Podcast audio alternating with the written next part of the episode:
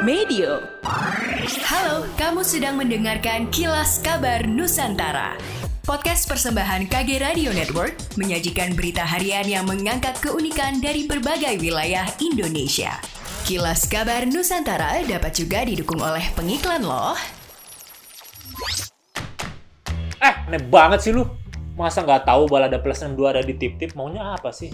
Kacau, kacau mana lu, weh? Sahabat kuku, duit mania mana? Lu gua maafin ya, tapi ada syaratnya. kasih tahu apa syaratnya mas? Syaratnya lu harus nonton live streaming balada plus 62 Betul. hanya di tip-tip tanggal 5 Juni 5 2023. Juni Oh, 2023. kalau nggak tahu. Masih nggak tahu juga. Live streaming.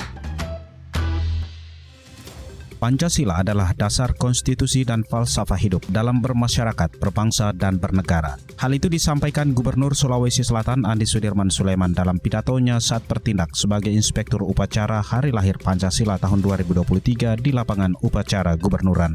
Menurutnya Hari Lahir Pancasila menjadi momentum meneguhkan komitmen agar lebih mendalami, menghayati, dan mengamalkan nilai-nilai luhur Pancasila. Ia menyampaikan Pancasila menjadi energi bangsa Indonesia sebagai sebuah epicentrum pertumbuhan ekonomi untuk kemakmuran seluruh rakyat Indonesia.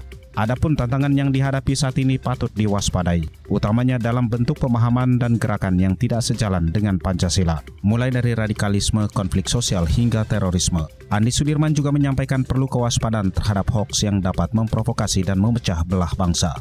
Pemko Banjarmasin mengaku sedang berupaya mempertahankan predikat Kota Layak Anak atau KLA.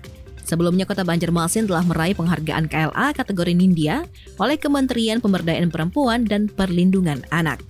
Sekretaris Daerah Kota Banjarmasin Iksan Budiman mengatakan, penilaian KLA kali ini berbeda dengan tahun-tahun sebelumnya, di mana jika sebelumnya cukup dengan penilaian mandiri dan verifikasi administrasi dari Pemprov Kalsel, kini bertambah dengan verifikasi lapangan oleh kementerian. Oleh karenanya, Iksan yang juga ketua tim gugus tugas KLA telah menginstruksikan seluruh SKPD terkait untuk mengumpulkan bukti-bukti pendukung perhatian Pemko terhadap anak.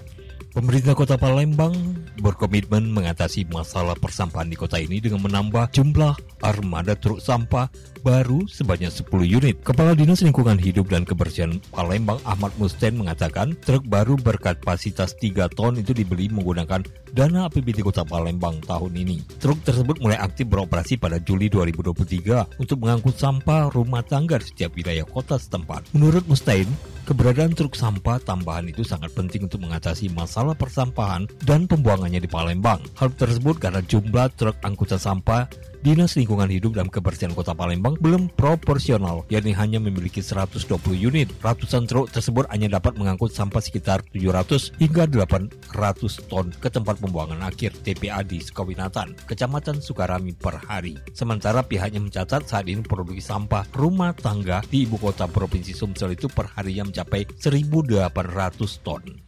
Demikianlah kilas kabar Nusantara malam ini.